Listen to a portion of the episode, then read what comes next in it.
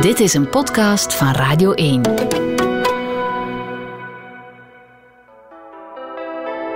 Twintigers, een briljante generatie. Met Cathy Lindekens. Ik ben Kamal Karmach en ik hou van mensen. Een op de zeven kinderen in Vlaanderen groeit op in armoede. Bij kinderen van wie de moeder niet de Belgische nationaliteit heeft, is dat één op de drie. Leven in een gezin dat het extreem moeilijk heeft, blijft je achtervolgen. Maar soms lukt het om de situatie te keren, met talent en doorzettingsvermogen. Kamal Kermach is 28 en al enkele jaren bekend als comedian en televisiemaker. Ik leerde hem kennen toen hij 18 was en zijn allereerste schrandere presentatie had gedaan voor het jongere persbureau Stamp Media. Zo kwam hij bij de VRT terecht en is hij blijven groeien. Een man met een missie, Kamal Kermach. Dat ik naar het eerste kleuterklasje werd gestuurd en dat het de eerste keer was dat ik zo afscheid moest nemen van ons moeder. Um, en ik kon dat niet aan en ik was aan het wenen, ik was aan het wenen en ik liep weg uit de klas. Mijn zus zat één jaar hoger en ik ging gewoon bij haar zitten. Dat is mijn vroegste jeugdherinnering, denk ik. Wat voor mensen zijn je ouders? Goh, maar dat gaat ineens heel diep. Mijn ouders zijn heel verschillend van elkaar. Mijn moeder is iemand die in Marokko wel is opgegroeid, gedeeltelijk. Is dan naar hier gekomen, heeft dan hier... Um, is net lang genoeg in Marokko opgegroeid om, om effectief heel dat Marokkaans referentiekader mee te nemen. En is dan net vroeg genoeg naar hier gekomen om ook uh, dat Vlaams referentiekader ook mee te incorporeren in haarzelf. En dat zorgde eigenlijk heel veel voor, voor conflict. Zowel in haar eigen als, als met de mensen rond haar. Dat was heel, heel moeilijk voor haar. Um, dat heeft ze altijd wel meegenomen. Ons moeder is iemand die ook heel jong is getrouwd, ook heel jong kinderen heeft gekregen. Um, onze moeder is altijd iemand die heel verantwoordelijk is, moet, moeten zijn. Daarom niet altijd willen zijn, maar echt moeten zijn. En, en dat heeft haar gedrag op heel veel mate beïnvloed. Dat ze eigenlijk altijd heel hard op zoek is geweest naar rust. Van het niet meer moeten. Um, ons vader is iemand die, die helemaal in Marokko is opgegroeid. Heeft daar heel zijn jeugd doorgebracht. En frappant genoeg is, ons vader soms meer westers dan ons moeder. Uh, ons vader is daar vrij, uh, vrij opgevoed. Um, heeft in een hotel gewerkt, dus is altijd heel hard geconfronteerd geweest met uh, het internationale, met, met andere mensen. En um, ons vader is dan voor onze moeder naar hier verhuisd eigenlijk, want dat was oorspronkelijk niet zijn plan geweest. En hier heeft hij denk ik niet altijd heel makkelijk gehad, denk ik. Um, hij is vrij vroeg moeten stoppen met werken. Um, we hebben het nooit echt breed gehad. Um, ik denk dat dat ook soms wel kan, kan vreten aan, aan het zelfvertrouwen van iemand. Maar wat ons vader echt typeert, is de onvoorwaardelijke liefde voor zijn kinderen. Dat, als ik echt iets op hem zou plakken, dan is dat iets dat ik dat echt op hem zou plakken. Dat alles moet wijken voor zijn, voor zijn kinderen. Dat heeft ons vader heel erg, erg hard. We zijn met zes kinderen. Ik heb een oudere zus. Zij is verpleegster. Um, dan kom ik, ik ben de tweede oudste en ook de oudste zoon. voor heel veel mensen maakt dat niks uit, maar bij ons is dat een issue. En dan heb ik nog een zus. En dan, ja, heel grappig eigenlijk, het is, het is meisje, jongen, meisje, jongen, meisje, jongen. Um, en ook uh, dun, dik, dun, dik, dun, dik. Dus we, genetisch zijn we heel symmetrisch als, als gezin. En, en wat voor jeugd uh, hebben jullie gehad met die twee liefdevolle ouders? Heel individualistisch eigenlijk. Um, iedereen had echt zijn eigen parcours. Uh, we zaten heel vaak op elkaar, hè, want we hadden, we hadden het niet breed, dus we leefden soms in een heel kleine kamer samen. Dus, dus fysiek zijn we heel dicht bij elkaar geweest. En dat zorgde een beetje ervoor dat we emotioneel altijd wel afstand van elkaar hebben moeten nemen. En dat zorgt voor, een heel, voor mij een heel comfortabele situatie, namelijk eentje waarbij we heel weinig affectueus zijn binnen in ons gezin. Maar tegelijkertijd weten dat als het moet, we alles zouden doen. Maar dat is ook echt een relatie. Dus als het niet moet, komt dat niet zagen. maar als er iets is, dan staan we daar als eerste. Je hebt altijd in Antwerpen gewoond, in welke wijk? Ik ben uh, geboren in Deurne, dan heb ik, maar dat herinner ik mij niet, een jaar ergens in Deurne gewoond.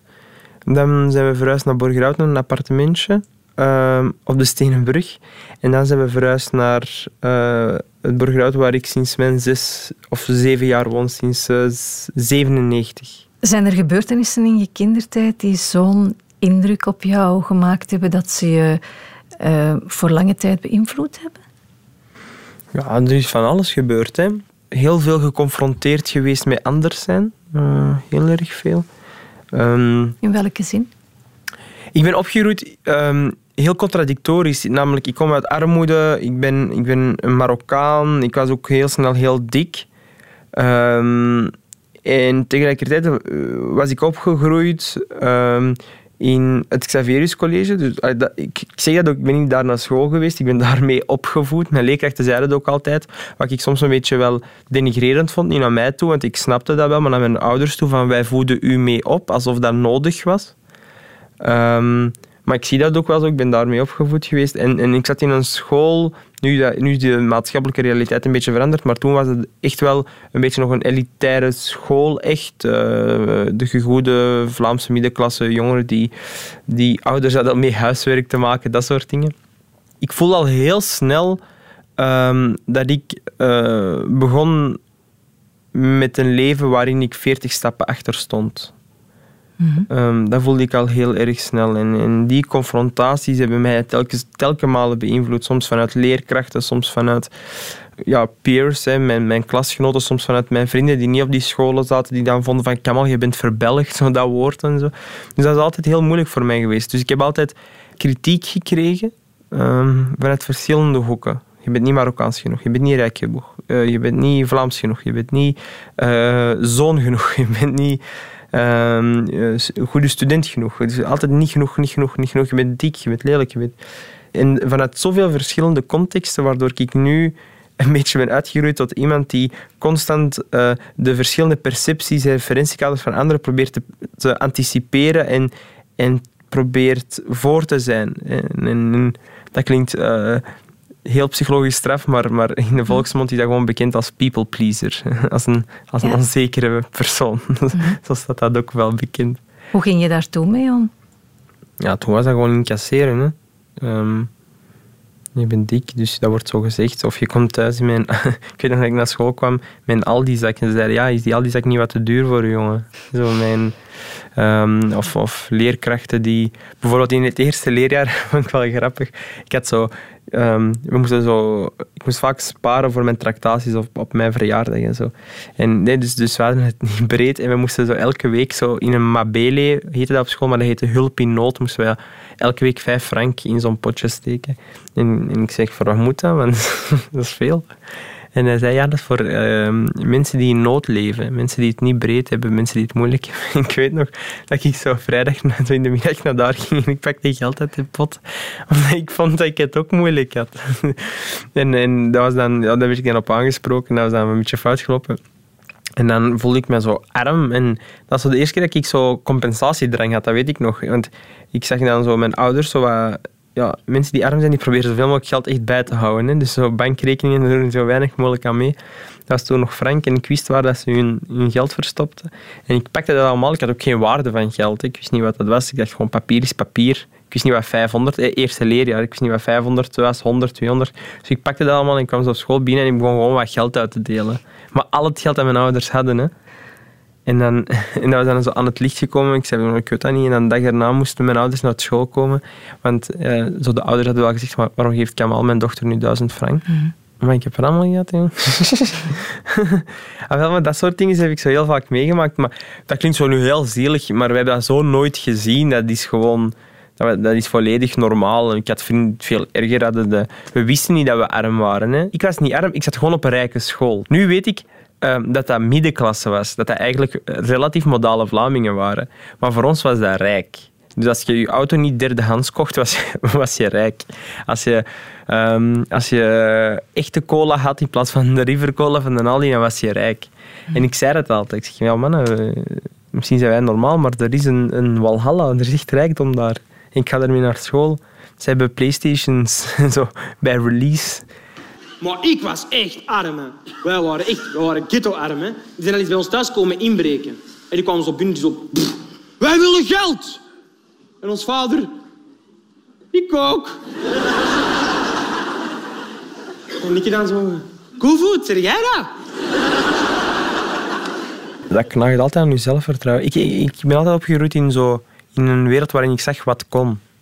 En wat kon, is dat dan iets waar je je van voornam om daar naartoe te streven? Of was dat iets dat pijn deed omdat je het niet had? Ik heb nooit, nee, um, wat heel leuk was, is, uh, ze geven ook heel vaak als advies, kies je vrienden goed uit. Mijn natuurlijke habitat waren natuurlijk mijn, mijn, mijn vrienden van Borgerhout, maar ik had ook heel veel vrienden op school. Dus ik ging automatisch meedenken zoals hun. En bijvoorbeeld, voor mijn vrienden in Borgerhout was universiteit, dat, dat was iets absurd. Hè. Dat, is niet, dat, dat is voor genieën. Hè. Echt professor Barabbas. Dat, universiteit, dat was voor ons... En, en ik merkte op Xavierus College, was dat de meest normale gang van zaken. Duh. Je doet ASO, je gaat dan naar de UNIF. Allee, de, ik, ik, kan niet uitleggen hoe groot dat verschil in perceptie was. Mm. En ik had het geluk dat ik, ik erkende de waarde van de universiteit langs de ene kant en tegelijkertijd um, werd dat voor mij ook normaal, omdat je daar ook zat van het eerste leerjaar tot het zesde middelbaar. Dus je wilt je vrienden volgen, gaat met je vrienden mee. Dus ik paste mij daaraan aan. Dus ik heb er nooit naar gestreefd, maar ik incorporeerde hun normale verwachtingen. Hoe, op een uur werd dat voor mij ook normaal dat ik zomaar bij wijze van spreken een discotheek kan binnengaan. Dus als ik dan toch geweigerd werd, dan evalueerde ik dat ook heel uh, onrechtvaardig, terwijl mijn Marokkaanse vrienden zoiets hadden van oh ja, dat wij geweigerd worden. En in mijn klas, hè, zo, ik zat dan ineens zo, eerste, tweede middelbaar en zo, ik zat daar in mijn klas, hè, in middenklasse, en die hadden ook allemaal zo uh. Zo heel figuur en en zo van die toestanden. Hè? Maar ik was in de war, want ik kom uit Borgerhout. En in Borgerhout zijn de enige mensen met merkkledij, dat waren de drugsdealers. Dus ik dacht dat ik in een klas zat vol met minderjarige kookhandelaars. Dus ik dacht, ik speel dat spel mee. Ik kom zo binnen. Ik zeg, hé hey, Jantje, heb jij niet wat spul voor mij? Geef mij spul, geef mij spul. Weet je wat hij mij gaf? Een dino-koek.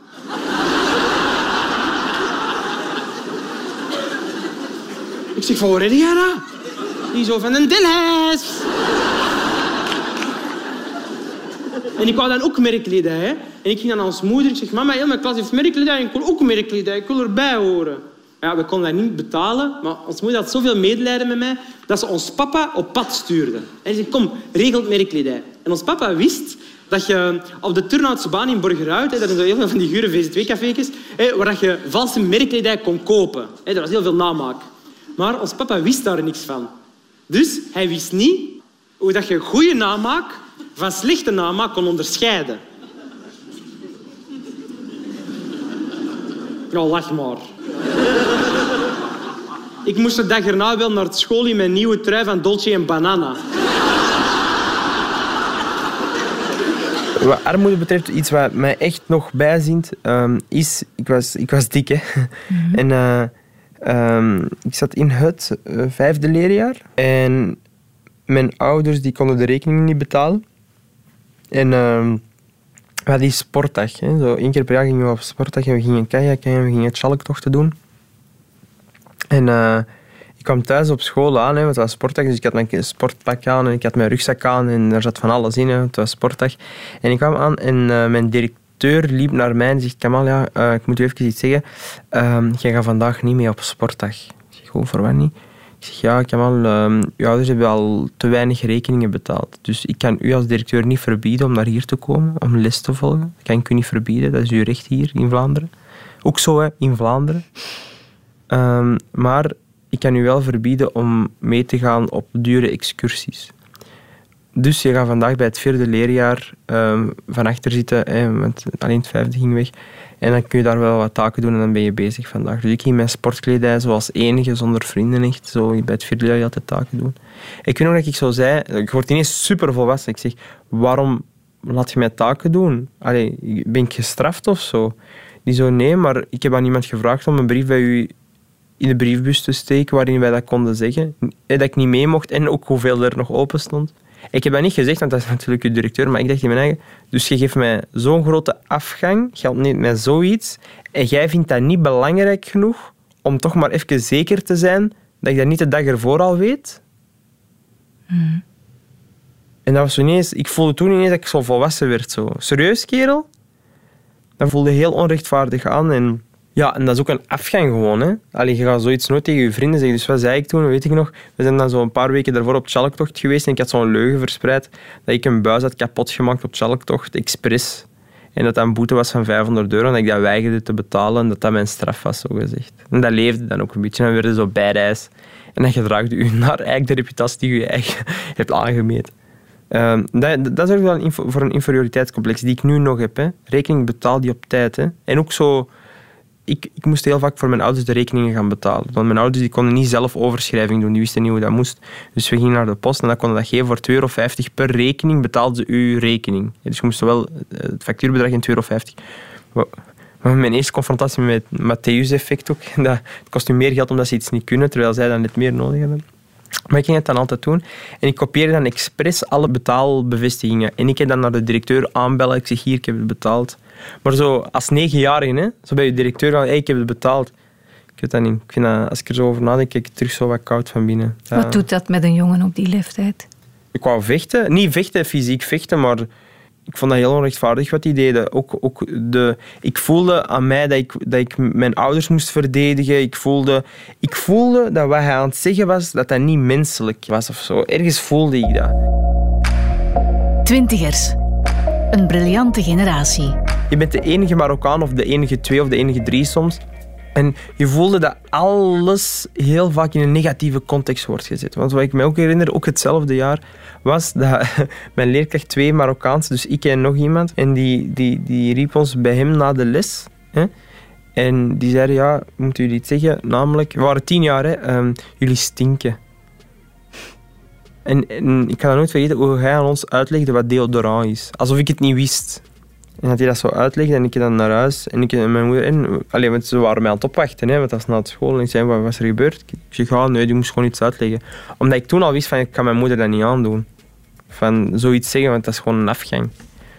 Ja, en zo zijn er heel vaak dingen gebeurd. Ook CLB elk jaar. Ik haat de CLB, omdat ja, zo één kwam ze al nu piemeltje, dat vonden we wel confronterend. En daarna kwamen ze ook nog eens zeggen dat ja, mijn gewicht ging elk jaar 10 kilo omhoog. En dat was zo mij, die hield dat dan bij. En ik haat de CLB, ik noem dat al CLB-week. Omdat de dag je moet dan met de psycholoog gaan praten, dan moet je met je leerkracht gaan praten, dan bel ze naar je ouders, dan zo bijna latent zeggen dat dat slechte ouders zijn, terwijl ik was degene die, die schreeuwde om eten. Hè. Mijn moeder verplichtte mij niet om te eten, integendeel zelfs. Maar ik, ik zag dat, dus ik, ik wist dat dat altijd mijn fout was en, en, en zo... Ik zag hoe dat andere mensen dan de schuld kregen, dat vond ik altijd zo erg. En dan zo dat, dat bracht bij mij zo het gevoel van, oh, ik ben echt een loser, want door u hebben andere mensen problemen of worden andere mensen slechter aan, aangekeken. Maar je voelde het als kind dan altijd uh, een noodzaak om je ouders uit de wind te zetten? Of eender wie. Ik had dat altijd. Eender wie. Dat zei ook altijd op mijn rapport. Kamal, jij neemt het altijd op voor anderen. Nooit voor mijn eigen. Altijd. Nu ook. Altijd. Als ik onrecht zie, dan dat, dat gaat niet bij mij. Of als ik voel dat iemand het minder heeft, dat, dat gaat niet. Dat heb ik altijd gehad. En ik word daar echt boos van. Als ik voel dat iemand het behandeld wordt op een manier dat hij het niet verdient. Mhm. En waar kwam de drang om zoveel te eten vandaan als kind al? Uh, ik denk remmen. Ik denk dat remmen zijn. Ik ben zo perfectionistisch. Hè. Alles moet goed zijn. Ik ben, uh, ik doe ik ben één, heel ambitieus, dus ik wil heel veel. En heel perfectionistisch. Alles wat ik doe moet goed zijn. Uh, of ik wil mij in geen enkele hoedanigheid iets kunnen verwijten. Dus ik doe zoveel. Uh, um, tegelijkertijd ook persoonlijk zet ik mij een heel grote druk op. Namelijk, ik wil alle mensen pleasen. Hè, dus um, het feit dat ik een actie onderneem, bekijk ik niet alleen vanuit mijn perspectief. Hoe wil ik dit goed doen? Nee, ik bekijk van hoe kan ik dit goed doen voor iedereen. Dus al die checkpoints ga ik ook nog eens af. Tegelijkertijd heb je ook nog een persoonlijke druk, namelijk je bent moslim, dus je, wilt niet, uh, je gaat niet drinken, je gaat niet uh, feesten, je pakt geen drugs, geen sigaretten, geen wiet, je gaat niet wegdoen. Dus ik heb altijd, pas op, en ik ben er soms heel hard van afgevallen, daar niet van. Ik ben alles behalve perfect, echt verre van zelfs. Maar ik heb altijd het zo hard geprobeerd en mijn, ik evalueer mij zo hard dat ik altijd mijn eigen loser vind, nu nog. Dus, dus ik doe zoveel en mijn criteria zijn zo hoog dat mijn leven bestaat uit constant... Druk. Druk en, en, en niet bereiken van onrealistische doelen die je je eigen stelt. Dus je bent eigenlijk constant ongelukkig, want je hebt dat net niet goed genoeg gedaan. En ik denk dat daar van eten komt. Namelijk, eten ziet niemand. Ehm, dat is niet negatief. En dat was een manier, denk ik, voor mij om te kopen. Om alle remmen los te... Echt, ik denk dat dat echt gewoon dat is. Gewoon helemaal op mijn eigen. Niemand heeft daar last van. Ik krijg ehm, gelukshormonen. Niet van het eten zelf, natuurlijk doe suiker ook heel veel, maar ik krijg gelukshormonen van oh, zie, ik mag doen wat ik wil, oh, ik even geen grenzen, oh, dat vind ik zalig. En met de rest heb ik dat niet. Alles wat ik doe, doe ik vanuit mijn druk en vanuit een, een negatieve energie van dit moet goed zijn, dit moet top zijn, dit moet dingen, oh, waarom is dit niet goed genoeg? En ik geniet heel weinig. Heel, echt heel, heel weinig. En dat is met eten hetzelfde. Bij eten geniet ik 30 seconden en dan voel ik mijn eigen mislukking omdat ik mij heb laten doen door eten. En dan begint heel dat spel terug opnieuw. Was je als kind toch een beetje gelukkig ook? Ja, ja, ja. Ja, want uh, ik, probeer altijd, ik ben altijd gelukkig als de mensen rond mij gelukkig zijn. En als kind is mijn evaluatiecriterium voor geluk minder groot dan dat dat nu is. Dus ik was vaak wel oké. Ja, dat wel. Maar hoe ouder ik werd, hoe meer ongelukkig ik werd. En hoe kwam dat? Je wereld wordt groter, hè? dus, dus de, het, het mislukingspotentieel wordt groter, de druk wordt, de druk wordt groter, de kansen worden groter, de ambities worden groter. Je doet meer, je bereikt meer, wat heel contradictorisch is. Hoe meer ik bereik, hoe ongelukkiger ik word en ik vind van mijn eigen dat ik niks bereikt heb. Hoe meer ik weet, hoe meer ik van mijn eigen weet dat ik eigenlijk niks weet. Mm. Maar als kind ben ik wel, ja, soms wel gelukkig geweest. Ja, ik kon zo gelukkig zijn van naar Bobby Aland te gaan. Zo, van de dag ervoor niet slapen. Zo, van de zorgen. Dat is eigenlijk wel leuk aan armoede, denk ik. Dat is het enige wat ik stom vind aan, aan niet meer arm te zijn. Je problemen zijn echt. Mm. ik wil gewoon eten vanavond. Ik wil gewoon, snap je? Uh, we moeten onze mazoet betalen. Hè? Dus mijn zus en ik moesten bijleggen om de mazoet te betalen. Dat, was, dat waren onze problemen. Dus je hebt die problemen opgelost. Er zijn geen problemen. Punt aan de lijn. Dus je bent heel snel, heb je zoiets van, oké, okay, we zitten goed. Maar dan komt die klote middenklasse eraan. en ineens creëer je problemen. Hmm. Want je hebt eten. Je, je hebt werk. Je hebt een dak boven je hoofd. Ah, maar nu, ja, ik wil mezelf ontwikkelen. Ik wil, een, ik, wil een ik wil sociale relaties uitbouwen. Ik wil een netwerk uitbouwen. Ik wil met alle problemen van dien. Dus ineens heb ik meer problemen dan ik had dan dat ik arm was. Maar de arme Kamal zou zeggen, Kamal, doe dit normaal. Je hebt helemaal geen problemen. Dat vind ik zo'n zotte contradictie, eigenlijk. Hoe meer dat je hebt, hoe minder dat je gelukkig wordt met wat je hebt. dat vind ik het enige dat echt wel leuk was aan, aan weinig hebben. Je hebt het altijd over mislukkingen, maar eigenlijk ben je, ben je heel goed door je schooltijd gegaan. Hè? Ja, maar pas op, dat heeft niet veel gescheeld. Omdat ik ben blijven zitten in het vijfde leerjaar. Ehm, en dan ging het wat beter, want ja, je was blijven zitten. En dan ging het heel slecht tweede middelbaar. Ik heb toen ook uitgangen. Ik was echt aan het puberen. Ik had heel slechte punten. En ik weet nog, maar echt heel slecht. Hè. Dat was echt, ik weet nog mijn punten, dat was 39 voor uh, Frans, denk ik, 44 voor wiskunde, 35 op 100. Hè. Voor aardrijkskunde, zo echt oh, eind, eindrapport. Hè. En ik weet nog dat ik zo twee weken heb zitten bidden. Maar echt bidden, hè, zo voor God. En echt vijf keer en s'morgens en s'nachts. En ik zeg, God, we gaan iets afspreken. Salat istighar noemt dat bij ons. Die zegt, als dit goed voor mij is, school en alles wat daarbij komt, uh, maak het mij gemakkelijk en help mij in deze penibele situatie. Als u oprecht God vindt dat dit niet goed voor mij is, laat dit dan van mij verwijderd worden en breng mij iets dat beter is. En dan een dag erna ga ik naar school en ze hebben mij een A-test gegeven. En ik zeg, huh?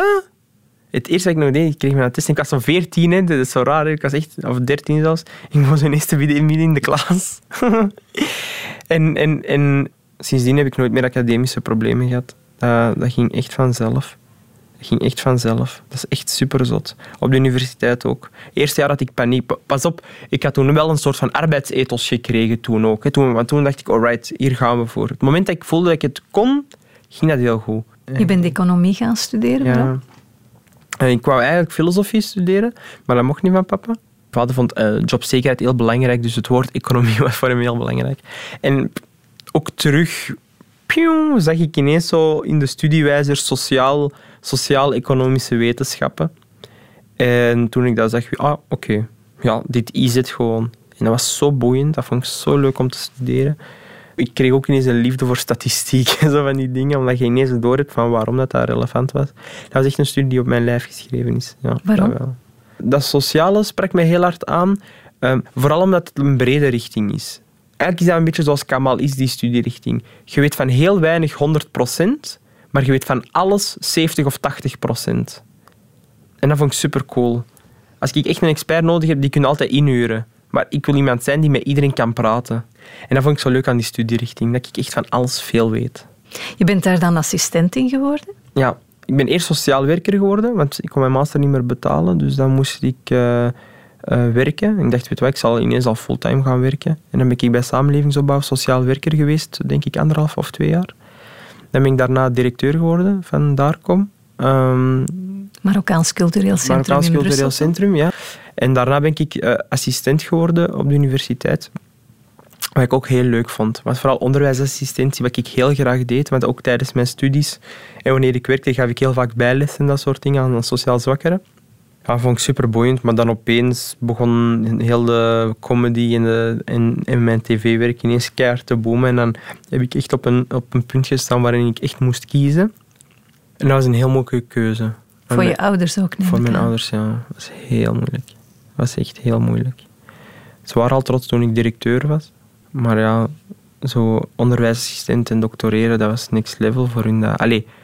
En weet je wat heel grappig is? Voor, um, mijn ouders zien dat als falen. En al mijn Vlaamse vrienden vinden dat super logisch dat ik dat heb gedaan. Want, oh my god, wie wil er nu doctoreren? Dat is, zo, dat is helemaal niet speciaal voor een Vlaming. Dat is zo, oh ja, als je zin hebt om nog vier jaar ermee bezig te dan doe je dat gewoon. En mijn ouders was dat zo het walhalla. En heb ik dan uh, opgegeven voor te doen wat ik nu doe.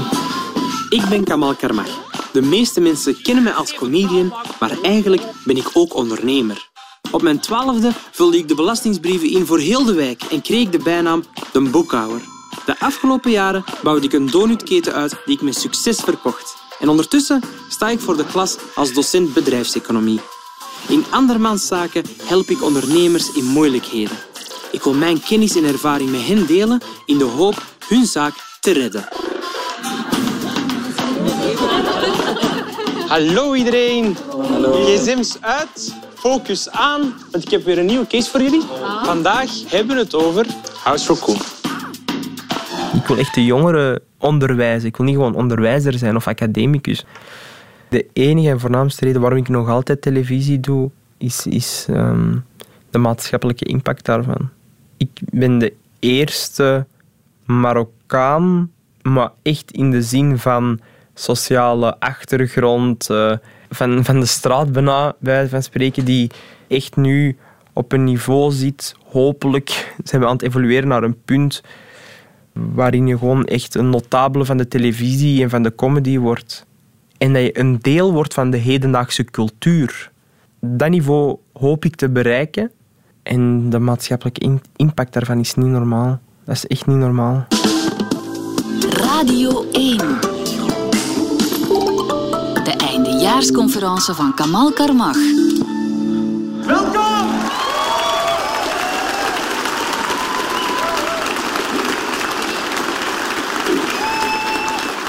Man, ik ben blij dat ik joh. Ik weet dat komieken dat vaak zeggen, dat dat vaak bullshit is, maar Arenberg, dat is de plek waar het allemaal gebeurt. Dus merci allemaal dat jullie zijn gekomen, want ik vind dit fantastisch. Hè? Ik mag de eindejaarsconferentie doen en dat zijn geen kleine schoenen om op te vullen, dames en heren. Hè? Want geloof weet dat allemaal. Hè? Je had eerst Geert Hosten, dan had je Michael van Peel en nu heb je besparingen. Ik zei het nog tegen Jan Jan Bon, hè? bespaard op cultuursubsidies en je krijgt dit. Hè? Maar ik ben wel blij, want dames en heren, ik weet niet of jullie dat allemaal weten, hè, want ik mag de conferentie doen in theaters, maar ik mag voor de allereerste keer ooit in mijn leven de eindejaarsconferentie doen voor de VRT. Is dat als je daarover nadenkt iets waar je gelijk mee wil halen op je, je eigen jeugd als tiener?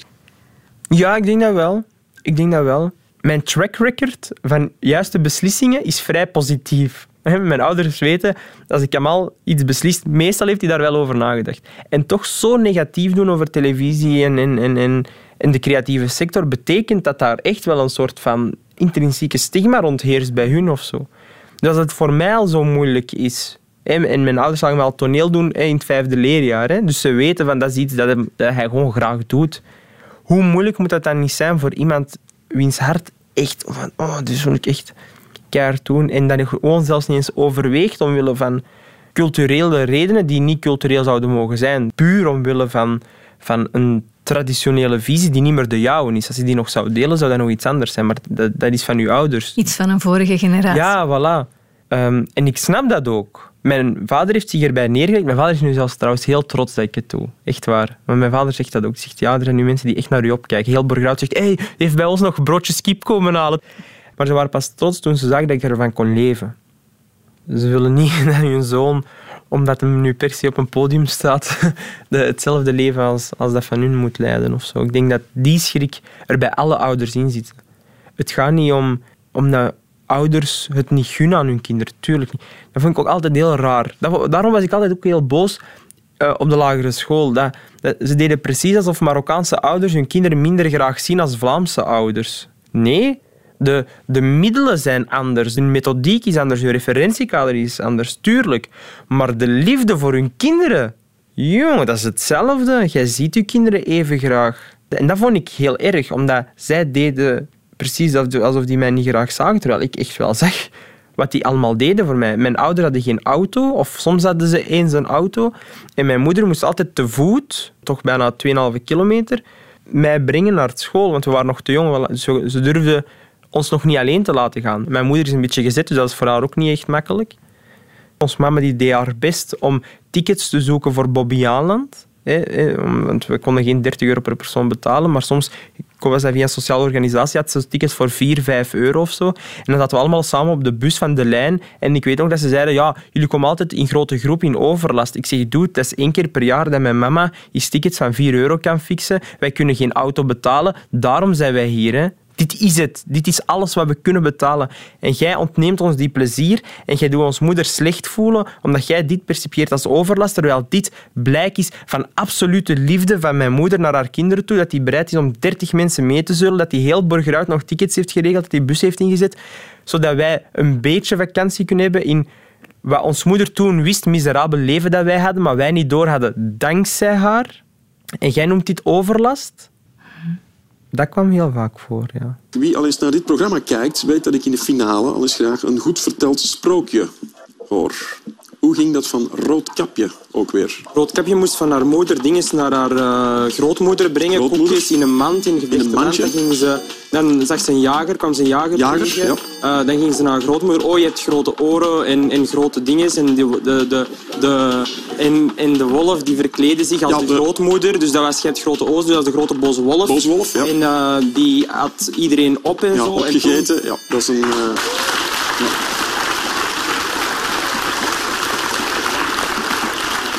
Het was een uh, unieke versie van het sprookje, maar, uh, maar je gaf wel alle ingrediënten die nodig waren. Uh, nee, is goed gespeeld. Jan, je weet, er is nog niks gebeurd. Je hebt ja, 17 seconden. Wat Ik moet alles weten. Je moet alles weten. Je moet vijf oh, trefwoorden vinden. En eigenlijk dan, weet, kom. En dan speel je Kamal naar huis. Kamal heeft dan één trefwoord genoeg. Jan, wat zegt je de naam Billy Bob Thornton?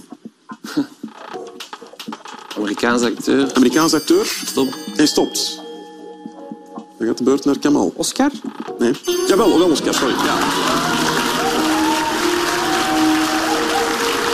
Zowel toen ik student was, als toen ik uh, nog studeerde of toen werkte en, en bijlessen gaf, als toen ik uh, assistent was, zag ik jongeren van diverse origine die by far intelligenter waren als ik. By far.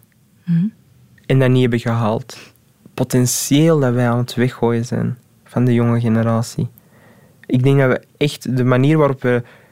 De jongeren nu niet, de nieuwe kindjes, daar zie ik wel hoop in. Maar mijn generatie, het potentieel dat wij hebben weggegooid als samenleving, als, maatschappij, is, is, is, niet overzien. Dat, daar durf je zelfs niet over na te denken. Daar durf ik nu echt niet over na te denken. Als ik dat durf, bijna, je kunt dat als econoom bijna kwantificeren. Hè gewoon het menselijk leed dat wij ook al hebben aangedaan. Ik ken iemand die BSO doet, die is naar daar gestuurd. Ik, vond, ik vind die briljant, die is super, goed in cijfers. Die had ook altijd goed wiskunde, maar die studeerde niet echt. Die had dat niet aangeleerd of zo. En die werkt nu, wat doet hem nu? Ja, ja zo wat fabrieksarbeid en die is doodongelukkig. Doodongelukkig. Terwijl ik zie, hij kan met mij meepraten over complexe politieke issues en zo. Dus hij is zo helder van geest en we hebben die bijna daarin gestopt, omdat nu pas er ook academische output is over hoe dat je daarmee moet omgaan. Dat is een nieuwe realiteit namelijk. Een, een soort van culturele minderheid in, die, die mee moet met, met een cultuur die al, al, waarbij het normaal is dat je aan je zoon naar de UNIF gaat. Daar moet je eigenlijk niet over nadenken. Misschien mijn generatie valt nog beter mee, omdat die nog wat makkelijker thuis kunnen leven. Maar zo, net de generatie daarvoor, zo, de, de dertigers van nu, daar was het echt kop of munt bij heel veel mensen. Weet je hoe ik werd behandeld omdat ik ASO deed? Ze behandelen je bijna als iemand waar je niet tegen mag spreken. Zo, ja, hij, hij gaat het wel maken, laat hij met rust. Hoe, hoe schandalig is dat? Ook de normaliteit waar we, we bijna vinden dat Marokkanen BSO moeten doen of zo. Dat, dat kan toch niet? Dat is bijna ontmenselijken, hè? Als je, als je conclusies maakt op basis van etniciteit richting, richting potentiële studiekeuze of zo. In de periode dat je in het eh, middelbaar onderwijs zat, zijn er toen mensen geweest, individuen, aan wie je heel veel te danken hebt? Ja. Die jou gevormd hebben, die de kamal gemaakt hebben mee die je nu bent? Ja, ja, veel leerkrachten. Heel veel leerkrachten. Tot zelfs de directeur aan toe bijvoorbeeld toen. eh, ik, ja, ik had de directeur van de lagere school. dat- die volgde ook mijn proces. Dat was ook soms heel negatief, zoals ik daarnet vertelde. Maar toen hij ook zag dat het positiever ging, zei hij dat ook. En hij ging daarin mee. Hij was daar ook trots in, in dat proces die ik maakte. Maar ook een andere directeur. Ja, ik, schreef soms filosofische teksten en ik mailde die naar hem en ik mocht dan bij de directeur in de middag, echt tussen de middag, gingen wij filosoferen over mijn teksten. Waarom denk je dat, Kamal? Waarom zo? Waarom? Echt heel Jezuïtiaans. Ehm, en ook een andere leerkracht die ik had in het tweede en derde, die eigenlijk heeft gevochten om mij nog een A-test te geven. Dat waren mensen die mij hebben doen inzien of mij lieten inzien dat, dat er altijd wel mensen die nu kunnen of willen geloven. En, en dat voelde zo goed en dat was soms zo nodig dat ik dat gevoel... Ik, ik wist hoe erg het is om, om, om ehm, slecht behandeld te worden en ik wist hoe goed het voelt om goed behandeld te worden. En die twee dingen heb ik meegenomen. Daarom wil ik altijd goed doen veranderen. Twintigers. Een briljante generatie. Met Cathy Lindekens. Voor jongeren kan de houding van een leerkracht of iemand anders die in hen gelooft hun verdere leven richting geven. Zo kwam Kamal aan het einde van het middelbaar ook terecht bij de geweldige coaches van Stamp Media, waar hij al snel in een video het woord mocht richten tot de burgemeesters van Antwerpen en Rotterdam, die samen zaten over jongeren in de grootstad. Hallo iedereen, ik ben Kamal en ik ben een van de woordvoerders van Stam Media. Nu, je vraagt je waarschijnlijk af wat die mooie en knappe Marokkaan hier op je scherm doet. Wel, dat is heel simpel. Ik zit nu op de schoolbanken. En waarom zit ik op de schoolbanken? Dat is omdat jullie eh, eigenlijk een beetje verkeerd zaten. Want ik denk dat het de bedoeling is dat als je wilt stoffen met een project voor jongeren, dat er toch een paar jongeren tussen jullie zitten. Dus dat is nog een tip voor jullie naar de volgende keer toe. Wat is Stam Media nu zelf? Wel, ehm Stam Media is dus eigenlijk een soort van persagentschap gerund door jongeren. Ik was toen denk ik 16 jaar of zo en ik, ik had een ei, ik, ik keek heel veel naar documentaires, ik las heel veel en er, ik wist dat er iets in mij zat. Ik kwam ook creatief ontplooien, ik was ook wel graag zo bezig met dingen en ineens zag ik dat, dat er een project was en ik ben daar dan direct op gesprongen en dat, dat is me heel goed bevallen. Ik vond ook heel snel dat ik aanleg had, vooral ook voor de camera, dus dat is dan ook heel snel eh, een, een traject geweest. En, en ze zag ook dat ik communicatief ook wel goed was. Dus ik mocht dan heel snel woordvoerder worden. Dat was voor mij toen... Maar ja, daarna heb ik dat altijd wel kunnen nuanceren. Maar was voor mij toen het, e- het echt een project voor en door jongeren. Zo. Dat vond ik wel heel tof. Want ik kwam altijd zo van, van sociale projecten. Zo, ken je? Je mocht eens gaan schaatsen met de mannen voor 10 frank. En, en ook zo, we doen iets voor jullie. Dat was zo de eerste keer dat ik zo voelde van... Ja mannen, doe het hè doe zelf. Hè. En dat vond ik super tof om te doen. En, en, en daar heb ik misschien wel, misschien niet de liefde gevonden, want ik denk dat die wel ergens inherent in mij zat of zo, maar wel ontdekt dat ik het misschien wel zou kunnen of zo. Die andere kant van jezelf ontdekt. Ja, ja. Festivalverslaggeving doen als, als Marokkaan. Een jonge gast ga je daar nooit naartoe. Dat is, dat is niks voor u. En ineens sta je daar backstage artiesten te interviewen. Dus dat was, dat was echt graaf. Je werd echt zo, er ging echt een nieuwe wereld voor mij open. Een van, wauw, dit kan en mensen doen dit en dat is fantastisch. En wauw, en accreditaties en, en, en, en, Apple-computers en, en, en, en, kritiek kunnen geven en een stem hebben, dat was zalig. Ja, dat, dat, ja, van de ene verbazing in de andere toen.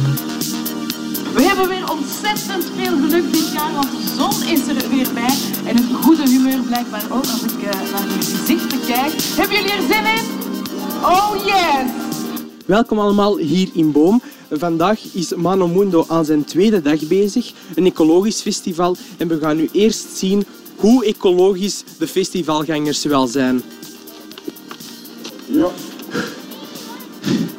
Voor Mano Mundo verder. Nog trappen. In mijn jeugd ben ik nooit geconfronteerd geweest met festivals. Dus ik heb nooit de wil gecreëerd om daar ooit naartoe te gaan. Dat is zoals ze met producten vaak zeggen, je moet behoeftes creëren. Dus bij mij is die nooit gecreëerd geweest. Terwijl de nieuwe generatie die zijn daar meer mee opgegroeid, veel geglobaliseerder door internet, door vrienden. De scholen zijn diverser, de samenleving is diverser. Um, dus daar is er veel meer mengelmoes en, daar zal die nood um, wel gaan ontstaan. Daar heb ik ook altijd wel problemen mee ook nu nog, zowel in tv als, als uh, op theater. Ja, waarom komen er zo weinig van jullie? Ja, we wisten niet dat het er was. Hoe moest ik weten dat we dat graag doen? Waarom doen jullie dat van ons niet? En die vragen dat dan ook altijd aan. Ja, maar waarom kijken jullie niet naar, naar, naar dat soort tv of naar dat soort tv? Ja, dat, dat is, wij vinden iets niet grappig, omdat wij een andere cultuur gewoon... Ik vind Marokkanen hebben heel hard West-Vlaamse humor omdat West-Vlaanderen is echt zo van die noeste werkers, nog heel veel landbouw en zo.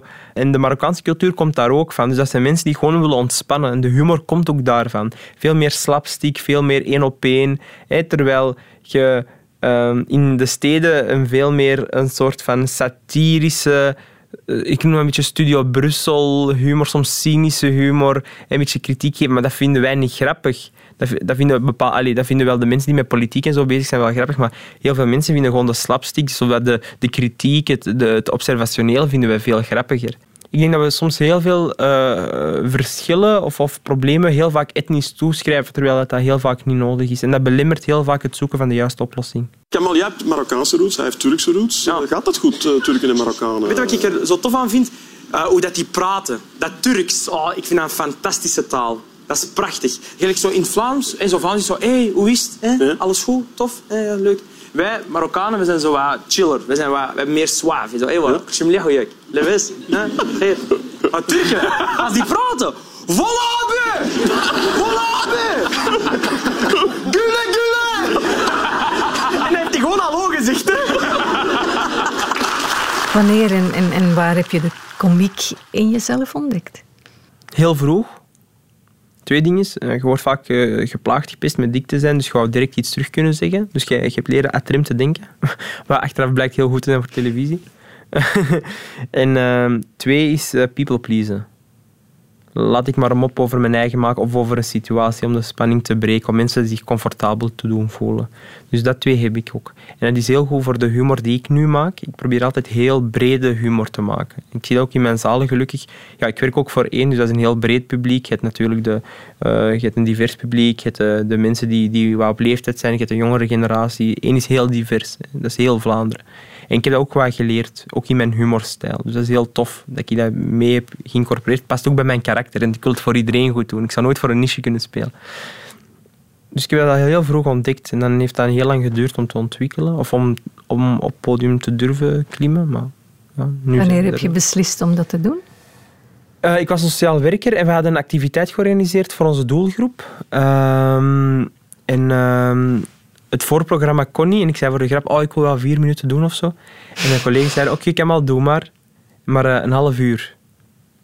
Je hebt zo geen context van comedy, je weet niet wat, of dat veel of weinig is. Dat is trouwens heel veel. Ik zeg, oké, ik doe dat. En op een week heb ik zo geschreven en ik heb dan uiteindelijk een drie kwartier opgetreden. En dat was slecht. Dat is niet grappig, hè. Dat is, je kunt grappig zijn op café of bij vrienden, maar uh, op podium moeten contexten meegeven voor je een grap kunt maken. Dat is echt heel... Dat trok op niks. Maar achteraf zijn er zo wat mensen naar mij gekomen en zeggen, Kamal, we hebben niet veel gelachen, maar je hebt iets te zeggen.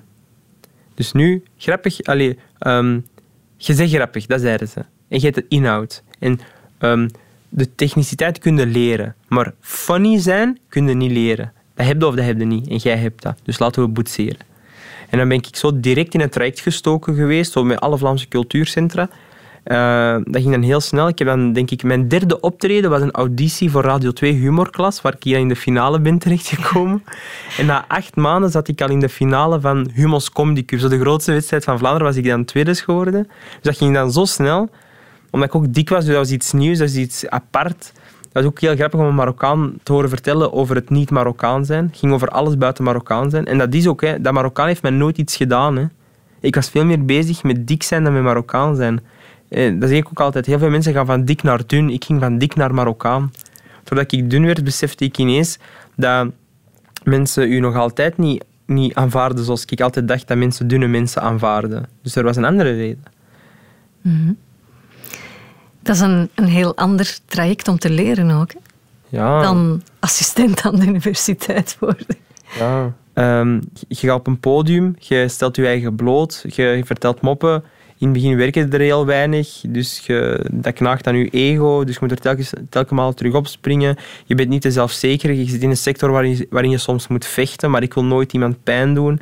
En zo sabouche de hele tijd. Um, maar het was een heftig traject, ja, dat wel. Hè, want heel veel mensen die doen eerst comedy in de luwte en dan heb je een goede show en dan komen die op tv. Waardoor je echt hebt kunnen groeien. Dus eerst dat je in de spotlight staat, heb je competenties aangescherpt, kan je echt iets. En ik ben dan op tv gekomen, heel snel. En ik had eigenlijk, vind ik, voor mijn eigen... En nu komt mijn karakter al terug naar boven, niks bewezen. Dus nu komt heel Vlaanderen kijken, maar die kijken naar u met het idee van... Jij bent die een op, van op tv, jij bent grappig. Hoe kan je anders op tv geraken? Terwijl eigenlijk ben ik een beginnende komiek. Dus ik moet maar maken dat dat heel goed is. Dus dat is weer een extra druk en dat past dan weer niet bij mijn karakter. Dus ja, dat is het een beetje. Maar allee, het is heel spannend. Hè. De kansen die ik krijg, er zijn er weinig die ze hebben gekregen. Dus, dus ik kan niet anders dan die grijpen met, met twee handen. Twintigers. Mijn kinderen gaan, mogen van mij niet opgroeien met een inferioriteitscomplex. Dat mag echt niet.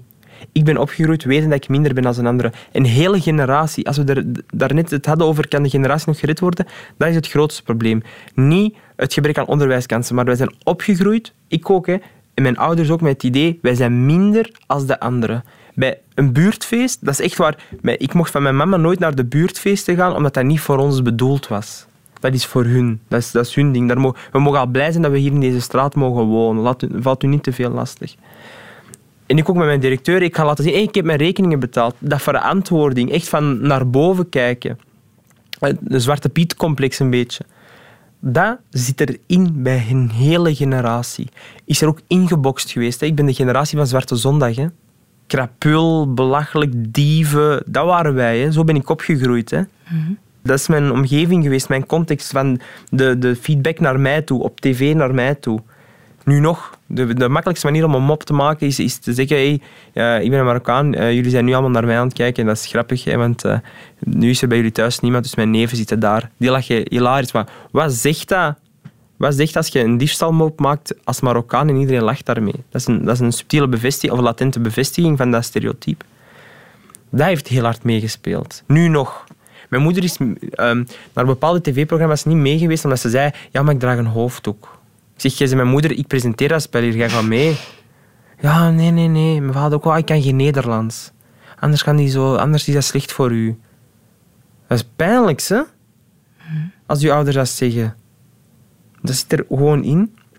Mijn broer ook. Hè. Mijn broer die naar een andere school als ik is geweest, inferioriteitscomplex, die durft niet met mij mee te gaan. Die zegt, ja, maar ik wil binnen. Mijn, broer heeft eens gezegd, hè, ik, moest, eh, ik was uh, zo'n panelist in een tv-programma, en die zei, maar ik wil binnen. Mijn broer, hè.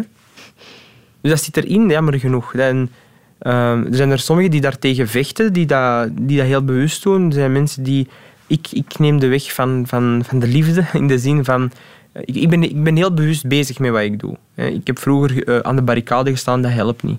De mensen die voor u zijn, zijn al voor u. De mensen die tegen u zijn, zijn tegen u. Daar kan een column niks aan veranderen. Nu betalen mensen over heel Vlaanderen 20 euro om mij te horen praten. Omdat ik positief ben, omdat ik oprecht ben met mensen. Ik ben evenveel mens als u. Mijn religie maakt me niet beter of slechter als die van u. Uw religie of, of, of, of het feit dat je niet wil geloven, dat je niet gelooft in God, maakt u niet beter of slechter als ik. Wij zijn gelijk. Wij arm, rijk, dien, wij zijn gelijk. We zijn allemaal gelijk. En als er één ding is dat, waar ik oprecht voor sta, um, voor achter de schermen, is dat ik dat wil meegeven aan de mensen. Je zei daar straks, ik wil dit ook doen om impact te hebben. Mhm. Ehm, kun je dan zeggen, ik ben een van de sleutels voor de volgende generatie Daar heb ik om te dat weinig- te veranderen? Ik heb te weinig zelfvertrouwen om dat te zeggen dat ik een sleutel ben. Ehm, eh, Maar je hebt wel de bedoeling om dat te zijn. Ja, ik wil het vehikel zijn. In mijn hoofd ben ik nu muren aan het breken waar langs mensen met echt talent door kunnen. Maar ik zie me, mezelf wel zo, ja, dat wel. Dat, je ziet ook de impact van Ali B en Najib Amhali zijn er veel vroeger mee, maar Najib Amhali is een A-level celebrity in Nederland. Hè. Dat, dat doet zoveel, dat is een van ons. Wij hebben nog, nog niemand in Vlaanderen waarvan mensen echt zeggen: ik associeer me met hem, hij hoort bij de top en ik ben oprecht trots dat dat een van ons is op cultureel tv-vlak. Voetballers? Wel ja, je ziet wat, daarmee ik zeg op cultureel tv-vlak, maar je ziet wat dat heeft met voetballers. Hoe- hoeveel trots zo'n mensen teweeg kunnen brengen. We moeten de generatie, de huidige generatie die komt, een soort van assertiviteit aanleren en trots. Rolmodel zijn. Ja, gewoon dat die kunnen zeggen, oké, het kan. Je kunt daar wel door geraken. Hij heeft het ook aan zijn ouders moeten uitleggen. Hij heeft ook, naar, naar- hij is ook, bij, hij heeft ook alleen zijn racistische leerkracht gehad. Hij heeft ook... Maar dat is maar één stap. Zelfvertrouwen. Dan komen er nog andere. Er zijn drempels ook. Die drempels moeten we ook wegwerken. Ik ben, maar, ik ben hoogstens iemand die eh, een rolmodel kan zijn en eventueel een paar drempels kan wegwerken. Nieuw talent ontdekken. Talent waarbij mensen dat nog niet weten. Nieuwe tv uitvinden. Want we missen heel veel creatief potentieel. Je hebt gezien ook dat ook in Amerika, het moment dat, dat er zwarte comedyschrijvers waren en sitcomschrijvers, boomde dat televisie. Want ineens had je nieuwe invalshoeken, nieuwe situaties, nieuwe comedy, waardoor dat, dat verrijkend was voor een hele cultuur of een hele, een hele sector. En, en dat gaat hier ook gebeuren, daar ben ik vrij zeker van. Want wij kijken nog heel, ja, wij, vooral sociaal zwakker heeft eigenlijk bijna niks met etniciteit te maken, lineair naar televisie. Dus, dus bij hen rendeert eigenlijk om eens een, een, een sitcom te schrijven over een gemengde familie of dat soort dingen. Maar ik hoop echt heel hard dat ik daar een rol in kan spelen. Ja. En ik denk dat als me dat lukt, denk ik dat mijn maatschappelijke impact groter zou zijn dan, dan dat het zou zijn met een doctoraat. Als je jezelf over vijf of Dat- tien jaar ziet, wat ehm, is je grootste droom dan? Not to die in vain, denk ik. Ik, wou echt, ik wil echt sterven weten dat ik eh, de mensen die mij nauw aan het hart liggen, dat die echt iets aan mij hebben gehad en dat ik steentjes heb verlicht voor mensen.